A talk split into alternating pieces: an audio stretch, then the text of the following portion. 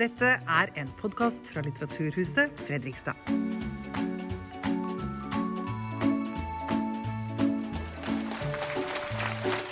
Jeg heter Roy Andersen, jeg er dagleder her på huset. Jeg skal gjøre en introduksjon på engelsk, eh, mest av respekt for den som skal komme opp her etterpå. Uh, a warm welcome to everyone to Litteraturhuset Fredrikstad and to this wonderful evening and uh, this beautiful view here on Savoy, Savoy Terrasse. First of all, I have to say uh, thank you to the kind publisher Cappelen Dam, who has helped us to make this uh, exclusive uh, evening possible.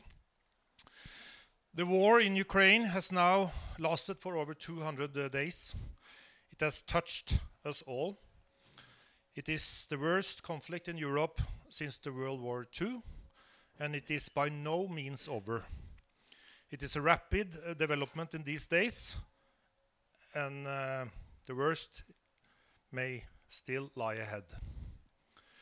The war has hit everyone in Ukraine very hard. Uh, not a single person in this great and beautiful country is untouched. Thousands of people, mothers and fathers, husbands and wives, sons and daughters have been killed. Many more are injured. Millions are on the run. So let's not forget that this war is not about our wallets, about gas prices, electricity prices, or interest rates. It is a real war in a country not far away from us. It is about human beings of flesh and blood, about our European sisters and brothers. Our own war memories here in Norway are beginning to fade away. So tonight we will be rem reminded on, uh, of how it is to live in a country of war. Andrei Kurkov is considered uh, Ukraine's most important writer.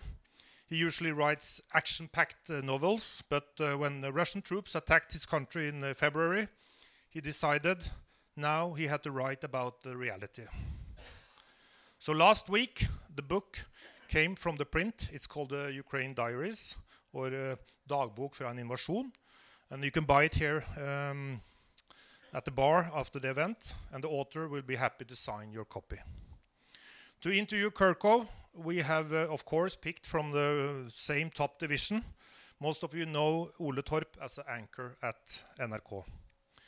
It is an honor to have you here in Fredrikstad, Mr. Kurkov. Welcome on the stage, both of you. It is a great honor to have Andrei Kurkov here with us tonight.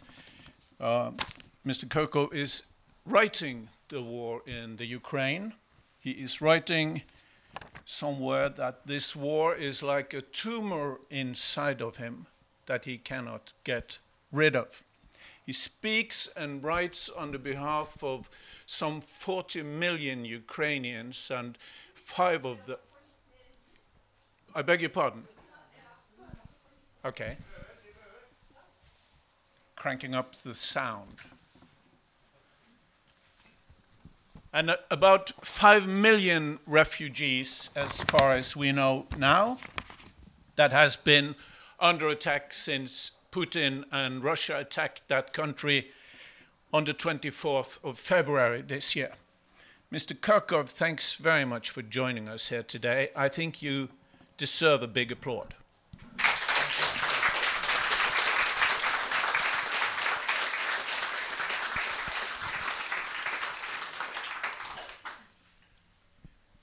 There are news today from the front, and I thought we might start with that. Um, in the east, in the uh, Russian occupied territories, there are news that they have decided to organize um, sham referendums on becoming a part of. Well, uh, hello, good evening, and uh, thinking about this possible uh, fake referendum. I mean, we can remember uh, referendum in Crimea, and I mean this is can be done uh, to legalize in Russian way the ownership of the occupied territories and to announce it part of Russia, and then to announce mobilization to defend Russian territories which are attacked by Ukrainian troops. This is the Putin's logic, and it is quite possible now because he doesn't have many other possibilities. I mean, his creativeness is very limited uh, and limited actually by the possibilities. I mean, there, there are no uh, logical or positive justifications for any of Russian actions. But you So- regard it as a dangerous move. It is a very dangerous move because I mean, if the uh, general mobilization is announced, then it is uh, an official war from Russian side, and uh, of course there will be lots of Russians fleeing the country, but probably the borders will be closed for them. They can be called up in the army, sent to the front line, and he doesn't care how many Russians will be killed and how many Ukrainians are killed or will be killed. So this will be definitely an escalation of the war. Let's sit down. Okay. Getting all exaggerated, all excited already. Um, there are, um, as you are publishing your book now, also in Norwegian about the war in, in Ukraine, there's a, a dramatic news almost every day. But of course, before we had these news that you have today, there was the story of how uh, Ukrainian soldiers. Um, uh, to whom you dedicate your book in fighting for your country has made great advantages in the East. Did you think that those military advances uh, could lead to uh, the end of the war or at least a negotiated uh, ceasefire? Well, I mean, there is uh, no possibility of end of the war until Putin is dead, and when he is dead, there will be actually uh, fighting uh, between four, a minimum four groups in Kremlin to take power. So, I mean, while Putin is alive, he will not give up. He will not accept that his uh, goal was not achieved. He will try to drag on the war using all possible ways and sending more. I mean, now he is actually sending uh, 6,000 criminals from Russian prisons, uh, murderers, rapers, who agreed uh, to fight in Ukraine in exchange that if they are alive, if they survive, they will be freed to go back home. So I mean, he doesn't think about future of Russia because I mean, this is like 1953 after Stalin's death, when there was amnesty for criminals and hundreds of thousands of real murderers went back uh, to their homes and started a wave of crimes in Russia, which lasted several years. Well, even even killers and rapists bleed, and if they bleed, they die. And a lot of Russian soldiers have come to Ukraine to die uh, lately. But let's talk about the impact that the war has on your on your people and on your country. Would you say that the Russian invasion has inflicted a wound um, in in Ukraine uh, that will be difficult or even impossible to heal? Well, I mean, the war started in 2014 with annexation of Crimea and then uh, uh, occupation of part of Donbass. So, I mean, the war was going on all this time. There were soldiers killed, wounded, uh, uh, and uh, I mean, the, Europe didn't pay attention to this war because uh, they thought that uh, It was it was far away. It, was something smaller. But uh, during these eight years of the war, I mean, the relationship between Russia and Ukraine actually came to a halt. And uh, now, uh, I mean, there is a huge hatred. I mean, the, the hate is so great in Ukraine that people which have hate, I mean, they are looking also for the internal enemies to share the hate, to, address this hate. So I think for two generations to come after the end of the war, there will be uh, no relationship with Russia. And actually, in Ukraine, they are already talking that uh, when the war is over, the neutral territory or neutral strip of land uh, on the border will be two kilometers wide. Can you imagine how many land will be uh, wasted? But I mean, this is the two kilometers of hate. Still, there are many people in in Ukraine of Russian descent. Well, I am of ethnic. And you're one yes, of them, aren't yes, you? Yeah. Um, so how how how can you cross that line, being ethnic Russian, and still be Ukrainian? Well, for me, it is not a problem because I grew up in Kiev. Uh, But you were born in St. Petersburg. uh, I was born in Leningrad region, And uh, when I was two years old, uh, my family moved uh, to Kiev. My grandmother lived in Kiev. There are several million of ethnic uh, Russians in Ukraine. And actually, being ethnic Hungarian or ethnic uh, Russian or ethnic Crimean Tatar, it's not a problem if you consider yourself Ukrainian, because I mean, identity is not necessarily ethnic origin. Mm. I mean, uh, uh, my identity is of uh, of Ukrainian, of Russian origin, and my mother tongue is Russian. Yes, I speak Ukrainian without accent. Mm. I write prose novels in Russian, non-fiction in Russian, Ukrainian, and English. and so for me, the main actually difference between Russians and Ukrainians, and I'm not talking about ethnic Ukrainians, is in mentality because Russians are like Soviets, they're collective people. I mean, they have collective mentality. They uh, have only uh, experience of monarchy. I mean, they are loyalists and royalists in the sense that they need a Tsar, and this Tsar should be alive until he is dead, and then they will need another Tsar. If the Tsar was misbehaving, or making Russians upset, they would kill this Tsar and adore the next one. But they cannot live without Tsar. And actually, Soviet Union was a communist monarchy because only one out of six general secretaries uh, was dismissed, re-elected, one can say, uh, or just thrown out. Nikita Khrushchev, uh, Ukrainian, and five others were re-elected uh, until they were dead. So, I mean, we are now back to uh, Russian monarchy and Tsar Putin, uh, I mean, until he is dead, he will be in power.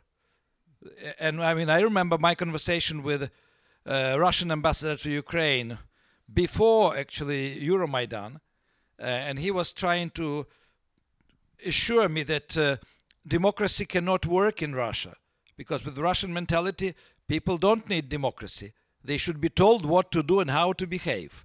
So, I mean, we have in the 22 years of Putin's uh, regime, uh, we have a population that gave up the freedoms slowly.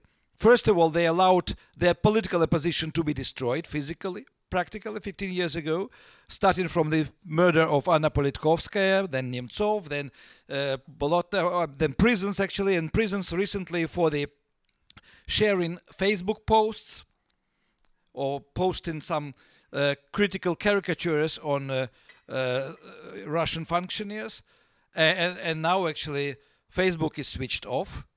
There is no Twitter, no YouTube, no Instagram. Uh, there are only two uh, Russian versions of Facebook, Vkontakte, and actually no, one Russian, one Chinese, and TikTok.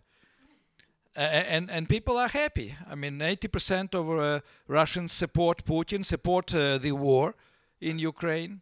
And, and those who are not so happy have a bad uh, bad habit of falling out of uh, hospital windows. Oh, this is a different days. story. I, actually, I mean, those who are falling from hospital windows, uh, they are representatives of one of the groups uh, that will be fighting for power after Putin's death. So, I mean, these are connected with big money. The people connected with, uh, I mean, oligarchs and uh, top managers, and actually they are the only ones who can stop the war after Putin's death because the other three groups are generals, army generals, uh, Secret Service FSB generals, and GRU Secret Service generals.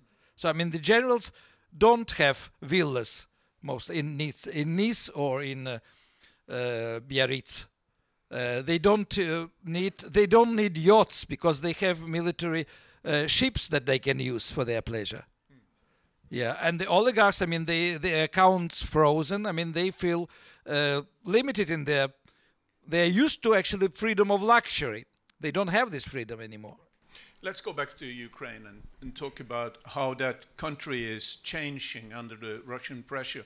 In your book, uh, just out, uh, you you say that you or you write that you see and understand um, the Ukrainians in a new way after the war broke out.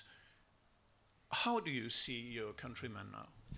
Well, I should go back because I was talking about Russian mentality, but I didn't actually tell you about the Ukrainian mentality. And Ukrainian mentality uh, is shaped by Ukrainian history of 15th, 16th, 17th century. Uh, Ukraine was independent be- before 1654. It was uh, free territory without fixed borders because Ukrainian Cossacks were fighting with everyone, with Especially Poles. Poles, right? Yeah. Uh, and uh, but they had uh, diplomatic service and, and they had some kind of election of their leaders. So hetman, which is the word for Ukrainian head of state and head of the army, was elected. And every time he was elected, two or three days or two or three weeks later, somebody would try to topple him and to elect somebody else. But at the same time, also higher officers were elected. There was a legal system. There were courts.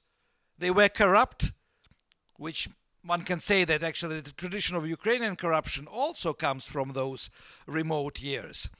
But I mean, the society was free. Every Ukrainian had an opinion and was ready to defend it. So I mean, Ukraine is uh, a nation of individualists. I mean, I mean, for that they were punished by the Tsars because I mean, Ukrainian identity, of course, first was based on the language, culture, and mentality. And when you actually you speak your own language, uh, you know your history through your language and through your, actually the uh, the, the community history of the community. Uh, so you, you become strongly connected with your earth because I mean culture identity is your connection with the territory you live in. And uh, Russian Tsars were trying to ban Ukrainian language starting from Peter the Great in uh, 1702 the first time. Uh, and there were more than 40 decrees by Russian Tsars to limit usage of Ukrainian language or to ban it. In the Soviet times, there was actually some period after 1921 when Ukrainian culture was allowed to be developed. But by 1937, most of the Ukrainian writers were shot dead in the Gulag, uh, in, in the northern camps of Russia, in Sandarmokh and uh, The Stalin. Uh, yeah. Uh, yeah, and, and since then uh, we have situation now. For example, I mean one of the largest cities in Ukraine, Kharkiv, which is every day uh, under bombardment of Russian artillery, today is 90% or 95% Russian-speaking city.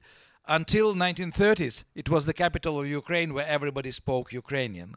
But my question is, how has the Ukrainians changed since February 24th? Because I think you you're yeah alluding what, what, that what, what i meant what i meant that actually they are individualists ukrainians i mean in ukraine you, we have more than 400 political parties registered in the ministry of justice which means that every ukrainian who decides to go to politics he wants to start his own party he doesn't want to join somebody else and i mean this a difficult people to rule. it is very. I mean, it is impossible to rule.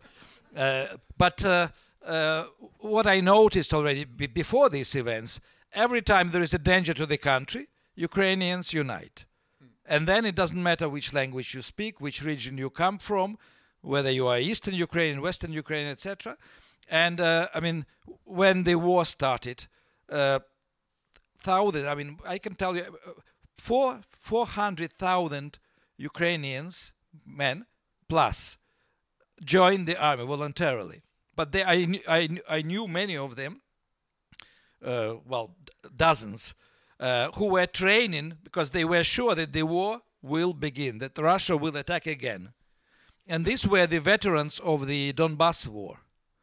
S- So, I mean, uh, I felt, I mean, wh- when uh, half of Ukraine was fleeing from the battlefield with families, with children, uh, Ukrainians in the western part of Ukraine, uh, which are or were considered always egoists, they were helping the refugees. I mean, I was help. I mean, I became displaced person. I was in a car one at, at the wheel 22 hours on the third day of the war. We got stuck in Carpath- Carpathian Mountains. Uh, the temperature was minus three or minus five. Was very cold. The traffic jam was from uh, the place where we got stuck to Mukachevo, 70 kilometers. And at one o'clock in the morning, a young man who recently bought a Soviet hostel to make a repair and to make it into a modern hostel, he actually opened the rooms of this hostel for uh, my family, and then he went and brought 30 families more from the traffic jam to spend the night uh, in, in this place.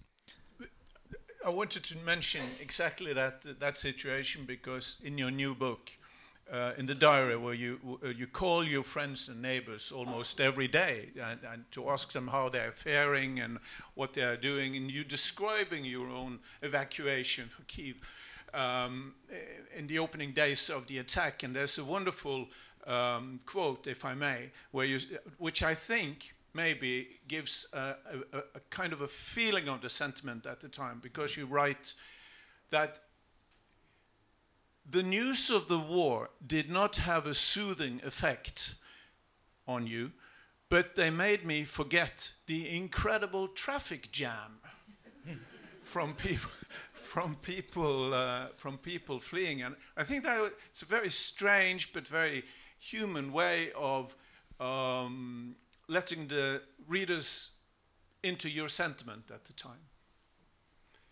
But I wanted also to quote something else that was very touching in, in your book uh, about the uh, about the volunteers, because as you mentioned, there are very many people with arms in in uh, Ukraine. I think you mentioned that there are about uh, 400,000 people um, with uh, with weapons. Uh, being hunters and members of hunting societies, and some 8 million pieces of arms in private homes. Well, I mean, it's a huge number, but uh, I, I, don't know how many of them are now on the front. And uh, no, I no, mean, it's I, I know, it's impossible to say. But you, you wrote about your neighbor in the sauna. I think his name was Danilo. Oh yeah, Yanevsky. Yes. Uh, if I pronounce it um, uh, all right, who who buys a machine gun and takes a taxi to the shooting range to practice before the Russians are coming, and the other man in your sauna in the garden next to you on your dacha or your, your country home, um, he boasts that he has at home two guns and a carbine, but he feels that he's a little low on ammunition and he's looking for a way to buy more uh, ammunition, more bullets. Explain to me why these people who might be above their middle age are buying guns and collecting ammunition to fight the Russians and not fleeing the Russians? Well, first of all, because uh, Ukraine uh, felt itself after annexation of Crimea betrayed by Europe. I mean, there was no reaction from Europe or from the USA uh, on annexation of Crimea, and that's why actually the war in Donbass was so violent in the beginning. And so, actually, when you are left alone you are thinking about defending your house. And for Ukrainians, actually, as they are individualists and in a way egoists, I mean, they are thinking first of all. Saying they're anarchists sometimes. And anarchists also, yeah. Yes. But I mean, for, for, for them, I mean, like in Ukraine, you can imagine there are 40 million images of Ukraine in a head of every Ukrainian. It's a different image. In Russia, all Russians have the same image of double headed eagle and Putin. I mean, Russia is Putin today. So, so, I mean, everyone thinks that he is or she is responsible for the defense of his, her house, village, town, hmm. region, etc. They work together. And I think the quote is also in your book freedom is now more worth than gold. For well, Ukrainians. for, for Ukrainians, actually, freedom was always priority. It was more important than stability because for Russians, stability is more important. And stability is the same Tsar for 22 years. Right. In Ukraine, not a single president managed to be elected for the second time, and I hope nobody will. but you're saying you're saying in your book that uh, you're describing this extraordinary uh, uh, mood um, before the invasion, even where everybody knew that the wars would come. You see the buildup of, of, of the Russian army in Belarus, and you see the flights, and and and uh, and the fighter jets and everything. Um, but still, there is no directly mentioning or description of panic in your book. Maybe a very subdued version of fear, but no panic. I don't remember seeing any, any panic actually. I myself, when I was woken up by the explosions outside uh, window of our flat, the explosions were not next to our house. They were like five kilometers away or six kilometers away. But I didn't feel any panic. I was paralyzed. It was five o'clock in the morning. I jumped up. I went to the window. I was watching the street underneath, and it, the street was empty. I mean, it was like that city. Of course, it was too early. And then around six o'clock, a lady neighbor from the house next door was walking the dogs like nothing happened. And then at six o'clock in the morning, there were two more explosions. And this was actually the, the day the war started. And nobody was rushing out of the houses. I mean, we left at seven o'clock with my wife and our friend who stayed with us.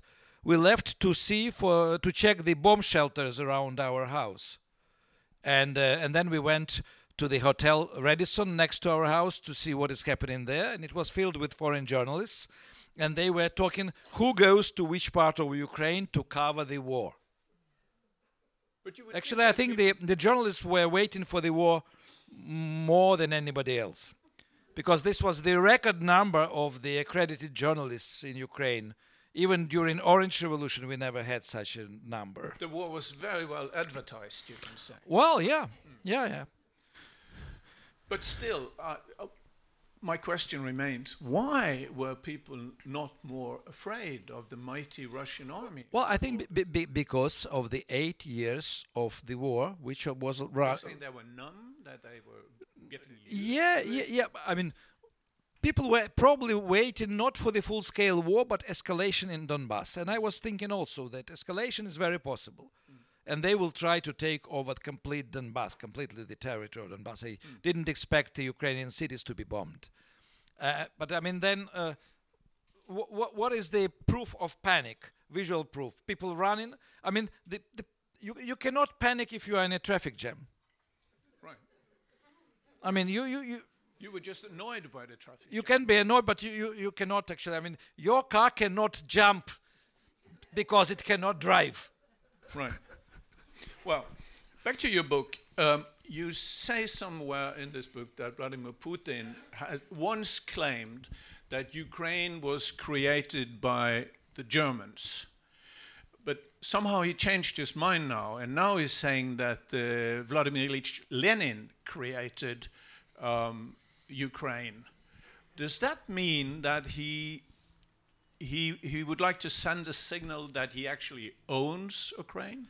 Oh, he sent this single many times already, and in It's his personal, last speeches, yeah, he was saying that Ukraine shouldn't exist and there should be a name of Ukraine on the map. It's an artificial. Yeah, yeah, but I mean, all this addressed to Russian uh, people, Yes. to the Russian nation. And actually, uh, some years ago, he was saying and repeating, and not only him, but also Lavrov and everybody else, that Russians and Ukrainians are two brotherly nations. Then he changed his statement. He started saying that Russians and Ukrainians are one and the same nation. And the last uh, statements, uh, actually, uh, in the last statement, he says that Ukrainians don't exist. They are Russians, but they were told by the West that they are not Russians. So they are brainwashed. Should be returned to the motherland. But in many ways, this is, with all due respect, the way people in the West looked at Ukraine and the Soviet Union and Russia during the Cold War, uh, before 1990.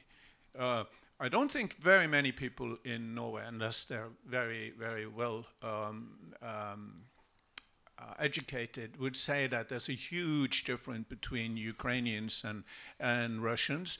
Uh, the language sounds the same to us, maybe a dialect just with like Sweden and Norway, perhaps. Uh, the Slavic people, they live in the same geographical area. Very many people. I, I would say bought that, sorry, uh, the, Yeah, the very many people bought the image that it was all one huge union. Well, this is the image that Moscow wants to create. Yeah, but I mean, the difference between Russian and Ukrainian is like between German and Dutch. I mean, Dutch understand Germans, but Germans don't understand Dutch. Ukrainians understand Russians with no problems.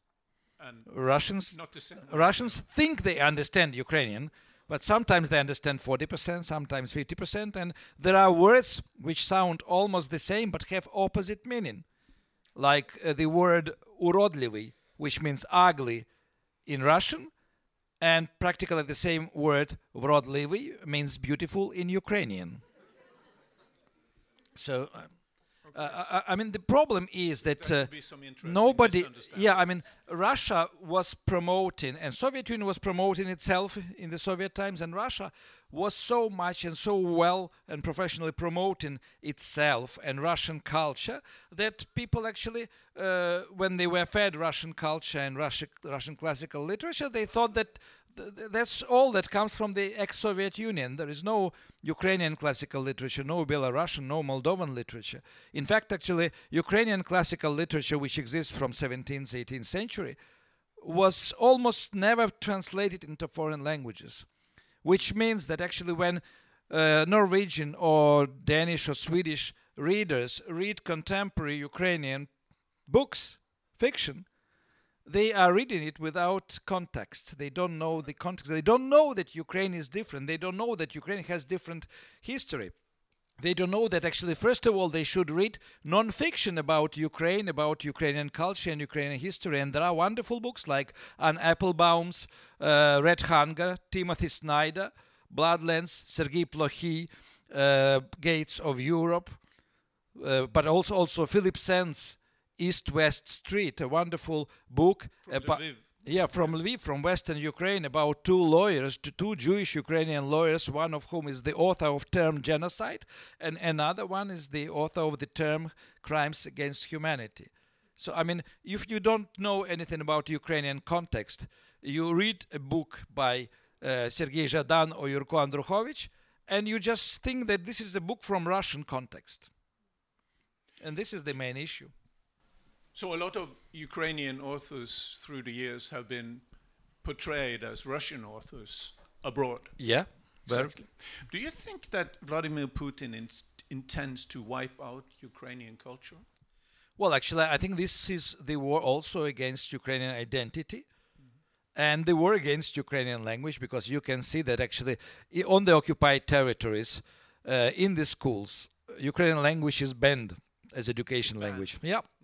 And there are documents now leaked how the uh, collaborators, teachers from the east on the eastern side of Ukraine are uh, removing from school libraries uh, Ukrainian school books. And first of all, Ukrainian language and Ukrainian literature school A- and books. I think there was a story also that it looked like Russian artillery was specifically aiming at theaters, libraries, artist centers, and, and places like that. Well, I mean, uh, when the first museum was bombed, uh, Maria Primachenko Museum near Kiev, and she is the The most famous uh, naive- naive, naive artist of yeah. Ukraine. Yes, I thought it was an accident, but uh, since then, actually, lots of uh, houses uh, connected with culture and museums, including actually museum of the most famous Ukrainian philosopher Grigory Skovoroda near uh, Kharkiv, was destroyed by shelling. Hmm. So. So Yeah. no, no haphazard shooting. It was. I, I, I, I don't think so. No. I don't think so. Un- unless Russians think that the Ukrainian fighters are hiding in cultural places. No, I'm asking because when we look back at Ukraine's very dramatic and very bloody history, uh, right up to the dismantling of the USSR in 1991, um, and especially, I'm thinking especially of the, the very bloody years in the 20s and the 30s, where you had a Holodomor, the forced starving of millions and millions of, of Ukrainian, the, the mass killings that Stalin was, was behind, and the deportations and everything. But Joseph Stalin also killed a full generation of writers and intellectuals. Is that not so? It is so, yes. But before, actually, before that, uh, over 300,000 farmers, Ukrainian farmers, were deported to Siberia because they didn't want to join collective farms, because they were not collective, because they wanted to own their cows, their land, their pigs. And I mean, uh, I think the, the Holodomor starvation was also the second phase of wiping up a uh, defined uh, group of people in the Soviet Union. I mean, Lenin didn't like Ukraine and never came to Kiev, in fact. But the but the uh, the deliberate persecution of artists, writers, intellectuals. Uh, why was that so important for Stalin? Oh, because if you remove uh, cultural and, and uh, political educated elite in any nation, in uh, uh, you you have people who can be manipulated and who can be told what to do. I mean, just you erase the upper class, Uh, uh, uh, and then you have uh, peasants, workers, etc., and, and they understand that this can happen also to them. So it's better to behave. Are you saying that this could happen again? Oh, I, I would say that actually all active Ukrainian intellectuals are in danger. Yeah? Are in danger. Yeah. Hmm. And being one of them, what kind of impact does this war have on you? Well, I don't write fiction. I'm talking about politics and war, not about my novels. I have to travel. I became displaced person, although my kids returned to Kiev and I will go to Kiev, but I have now uh, different events to do. Yes, I understand But- that but- when the war broke out, you you were in fact working on a novel set Yeah. in the Civil War era around 1919, yeah. 1920, Yes. Um, and I think there was a mentioning of a children's book as well. Yeah. Um, mm, have you been able to continue on No, those? or- no, I tried, but uh, I failed because I cannot concentrate uh, on something which is not relevant to today's situation. Although, I mean, 1919 is very relevant Kind because, relevant, yeah, it? Because civil war at that time after revolution of 1917 lasted four years. No, almost five years until 21, and uh, Bolsheviks tried to occupy Ukraine four times, and they succeeded in 1921 from the fourth attempt to turn Ukraine into Soviet Republic. Uh, during this time, 1918 and partially 1919, uh, Ukraine was independent, or some parts of Ukraine were independent. But in the end, actually, all independence of Ukraine was limited to a railway and the carriage in which the government of independent Ukraine was traveling to the west before evacuating to Poland. That was the only place. That was In the end, yes. I no, no. They went to Kamenets-Podilsky, but actually there were jokes that actually independent Ukraine is the space under the carriage, railway carriage, in which Petlura Wherever sits. they were, it was the Yeah. independent area. Yeah. so, but I can understand uh, you saying that you simply cannot write fiction under these circumstances that you are seeing now. Yeah. Do you think you will ever be able to write fiction again? I will try again and again because uh, actually some of my colleagues managed to go back to fiction. And actually, poets, Ukrainian poets, never stopped writing poetry. We have now lots of poetry about the war. But I mean, from 2014, we have two literatures in Ukraine one traditional literature written by writers, and one uh, so called veterans literature, which is written by the veterans of the Donbass War, who also set up their own publishing houses. So that's, that's soldiers' books, Yeah. more or less. yeah, but there are novels also. I mean, there are also novels, and some of the authors actually even managed to write novels not about the war. But I mean, when I uh, I will have another book uh, in Norwegian in February, and it is a novel uh, published in uh, Ukraine in 19, 2018. It's called Grey Beast. It's about actual life in the In the Donbass. gray zone of Donbass between positions of separatists and Ukrainian army. Yes. When I started writing this novel, there were already 200 books about the war in Donbass. So we have now more books about war than love stories. More- And this will stay with us. I mean, this, I mean, Ukrainian literature was never militant. It was always about uh, either agriculture or, well, of course, love stories, uh, historical novels, yeah. But there, there were no, I would say, no military thrillers or military action books. And, and But now, now, and now you feel it's almost irrelevant to, to write fiction. Well, for now, yes. But uh, still, I want to write. I mean, I dream of uh, coming back to the novel that I interrupted. So the war has a very chilling effect on the intellectual life in Ukraine, one can say. Well, uh, chilling, but also uh, quite negative in the sense that many intellectuals are now looking for enemies inside the country. So I mean, they they they are, they are just checking who is ours, who is not, and looking for markers, for criterias. Yes. So it's it's not a peaceful situation inside the intellectual community.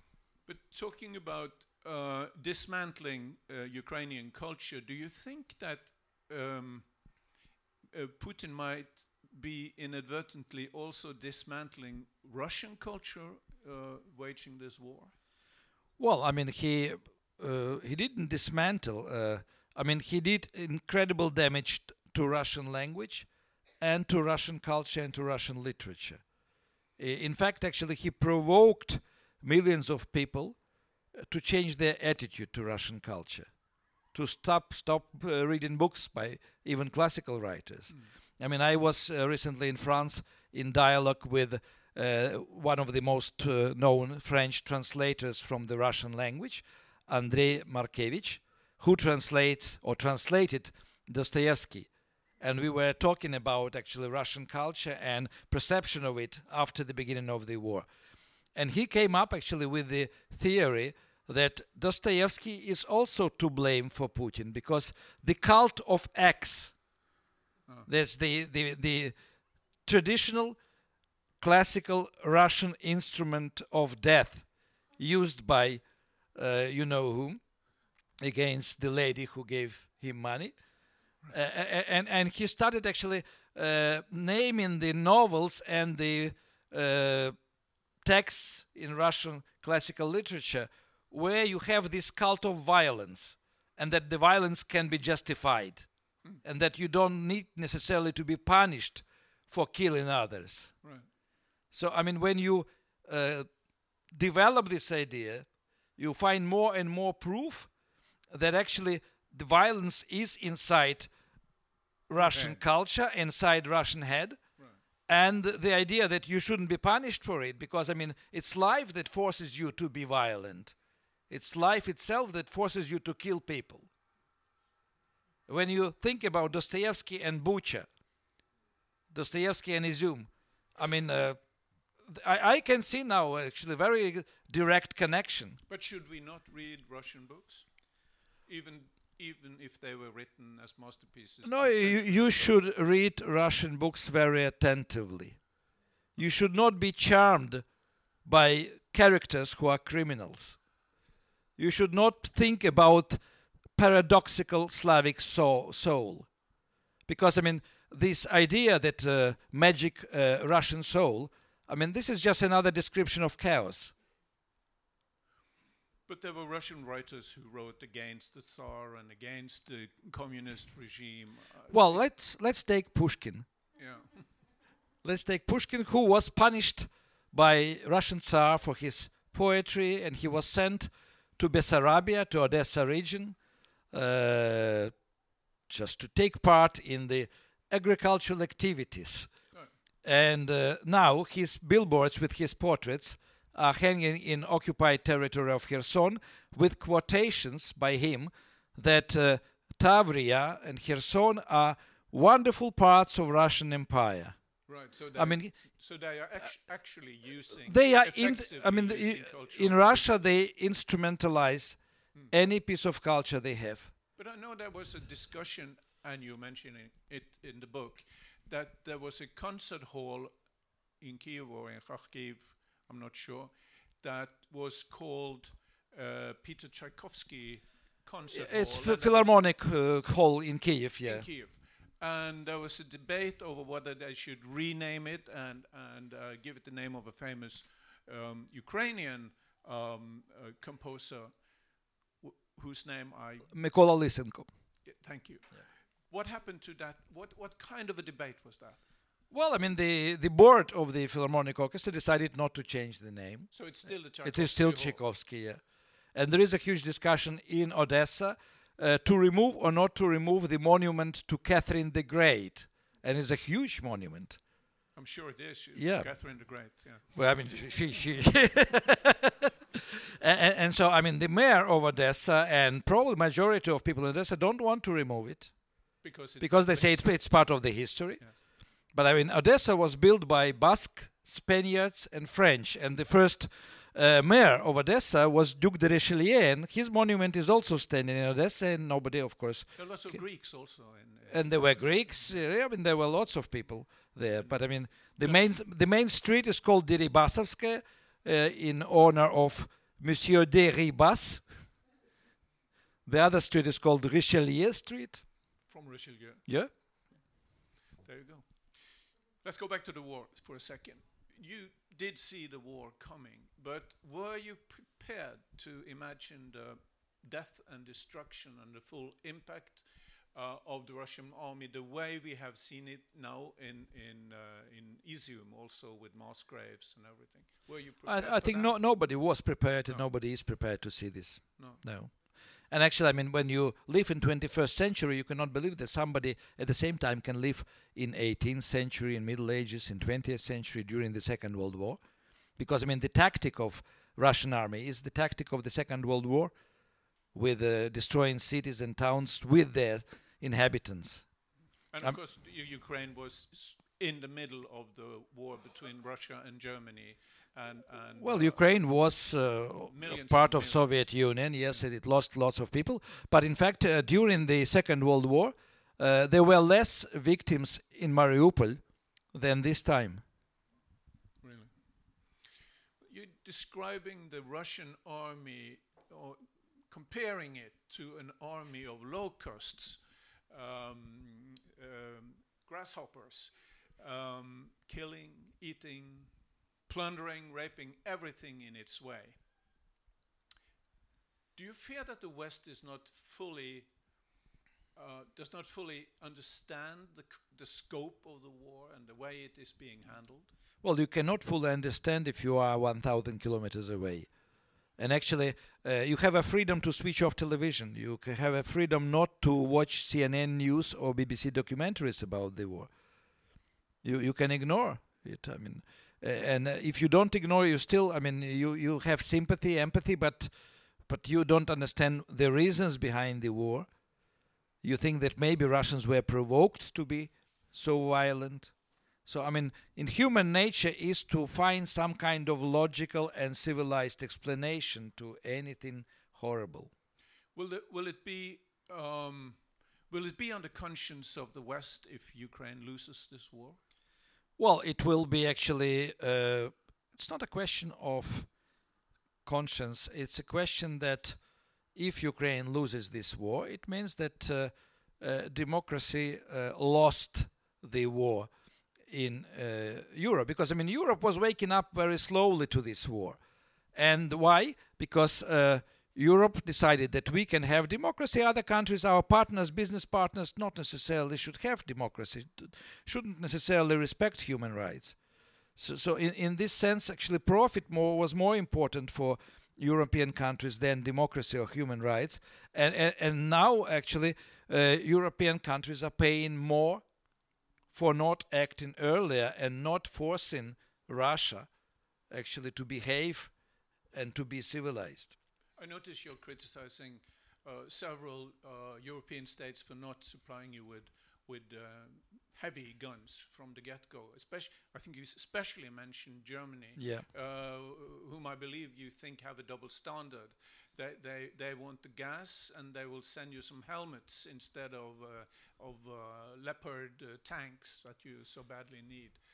Um, and also Italy as being uh, criticized by you.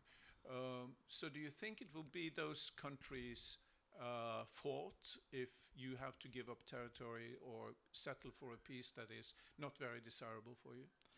Well, there will be. I, I, I'm sure everybody wants this war to, to be over as quick as possible. But at the same time, I think uh, European politicians and especially American and British politicians understand that if the peace is made on Russian terms, it means that the war will come back. That they will not.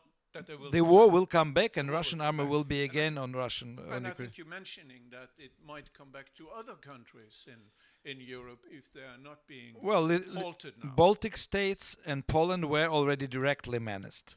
And I mean, we should remember that Belarus, as an independent state, doesn't exist anymore. So it's actually part of Russian Federation, which means that Belarusian Polish and Belarusian Lithuanian borders are in a very fragile situation. But the Belarus army has not yet involved itself in the in the war. No, no, not yet, not yet, Not and yet. they don't want to because I mean they they understand that uh, this war is a crime. But I think Mr. Putin might be bending Lukashenko's arms behind his back. Well, Lukashenko was trying actually sort of to force uh, his generals, and some generals uh, he would have a, resigned. he would have an uproar on his hands. Yeah, If he tried. Is yeah. that what you're saying? Yeah. Do, yeah. Do you think? Yeah. Hmm. Okay. Some people think that this is the beginning of World War III. Do you agree with that? Well, it is definitely European war, and it is a war which affects all the continents, including Australia.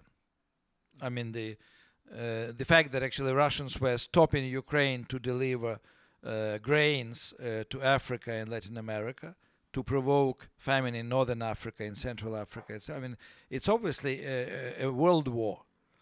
But if Putin, uh, who doesn't care about future of Russia, in fact, because he cares only about one thing, how he will be described in the school books of Russian history. And how So- does he want to be described? Well, of course, he wants to be described as somebody who made Russia great again.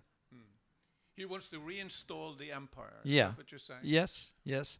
And, and so, in fact, if he uh, sees that uh, this is unachievable goal, uh, he can decide actually to use nuclear weapons. You, you never know. Do you think that's probable? It is probable. I mean, I would say 15% of chance. 15%. Yeah. That must mean that he does not know what he is letting loose. He doesn't care. Because, I mean, he is going. He is uh, on the way to exit from this world. Hmm. Do you think that there there are rumors every day in the newspapers, both internationally and, and here in Norway, about um, the the group around uh, uh, uh, Putin wanting to to stab him in the back or make an uproar or do a coup d'état or something like that? Uh, and you were mentioning the different groups that are sort of circling around him, uh, waiting for an opportunity. But do you, do you think there is a real probability that it could happen? I don't know. I mean, he That's is. I mean, he is uh, uh, a, a person with KGB background. He increased his personal uh, security many times.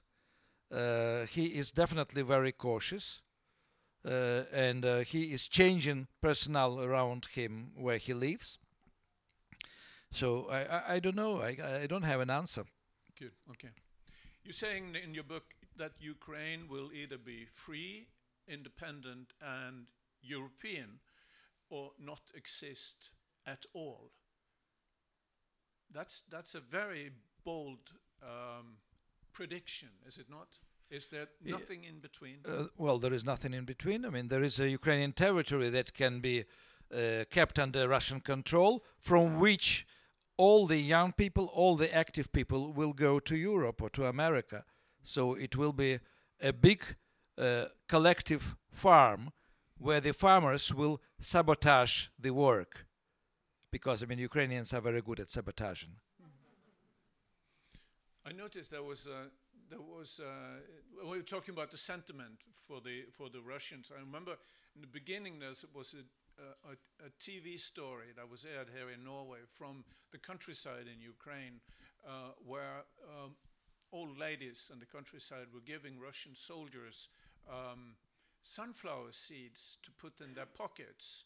And, it, and the Russian soldiers seemed to think that was a nice gesture, but they were asking, "Why do you do this?" And the, the old lady said that, "Oh, it, that, that's just because uh, when you are in the ground, the seeds will grow from where you died." I thought it was a very pretty strong uh, uh, thing to say for an old lady with her scarf and with a bended back and everything. But do you think that that's the attitude? Well, probably not everywhere, because uh, Ukraine 20 years ago was divided almost in half by the border between mentalities. In the West, individualist mentality, in the uh, East, still Soviet, post Soviet collective mentality. This border was moving slowly towards the East, and if we didn't have the war, uh, in 20 years' time, the border would coincide with the Russian Ukrainian border, and everything would be okay. But we did have people who were nostalgic about Soviet Union, who believed that Putin is a better president than any Ukrainian president, uh, who actually uh, were prepared to welcome Russians, who believed propaganda, who yeah. who were watching actually Russian television only and getting from there news about Ukraine and about Kiev and about Ukrainian uh, politicians. And they actually believe that uh, you have a lot of Nazis in Ukraine also. Yeah, because I mean, Led by the I- uh, led by the Jewish president. uh, well, I mean, it's normal to have Jewish Nazis in Ukraine. but I mean, what I want to say that this cliche, two cliches, were created, in fact, uh, by Ukrainian politicians to divide voters. The cliche that in the Western Ukraine you have lots of Nazis, and in uh, Donbass you have only bandits. So I mean, uh, it's a long story to tell, but it's quite a fascinating story because uh, Donbass was all the years of independence of Ukraine under control of local oligarchs, not under control of Kiev. And the central government never wanted to interfere in Donbass affairs. At the same time, Donbass oligarchs were not pro Russian because they didn't want to sell Donbass to Russians, they want to keep it for themselves. So they would always create a local regional party for which all people in Donbass were supposed to vote. And the last party like this was called Party of Regions. It was party of President Yanukovych, ex-president who escaped to, to, to Moscow. Moscow. So, so in fact, actually, this game of Donbass oligarchs uh, made Donbass oligarchs to lose everything and uh, made Ukraine to lose half of Donbass. Uh, we, we'll um, we'll have to end it um, here, I think, uh, Mr.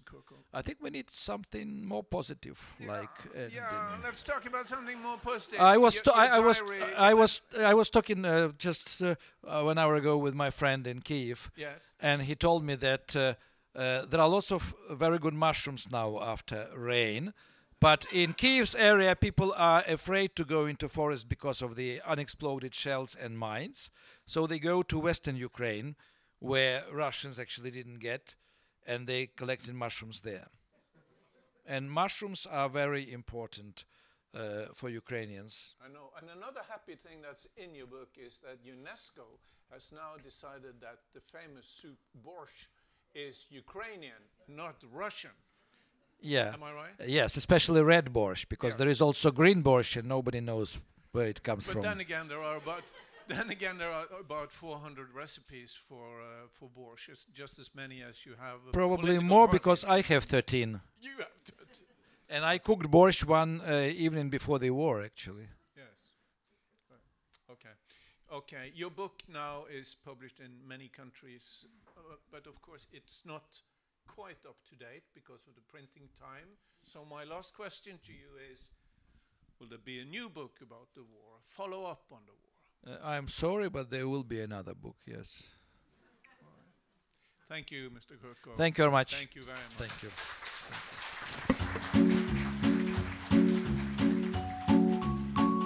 Du har hørt en podkast fra Litteraturhuset Fredrikstad. Vi er støttet av Kulturrådet, Fritt Ord, Fredrikstad kommune, Fredriksborg eiendom, Viken fylkeskommune, Sparebank1 Østfold Akershus, Verksted AS, Fredrikstad Energi og Handelsbanken.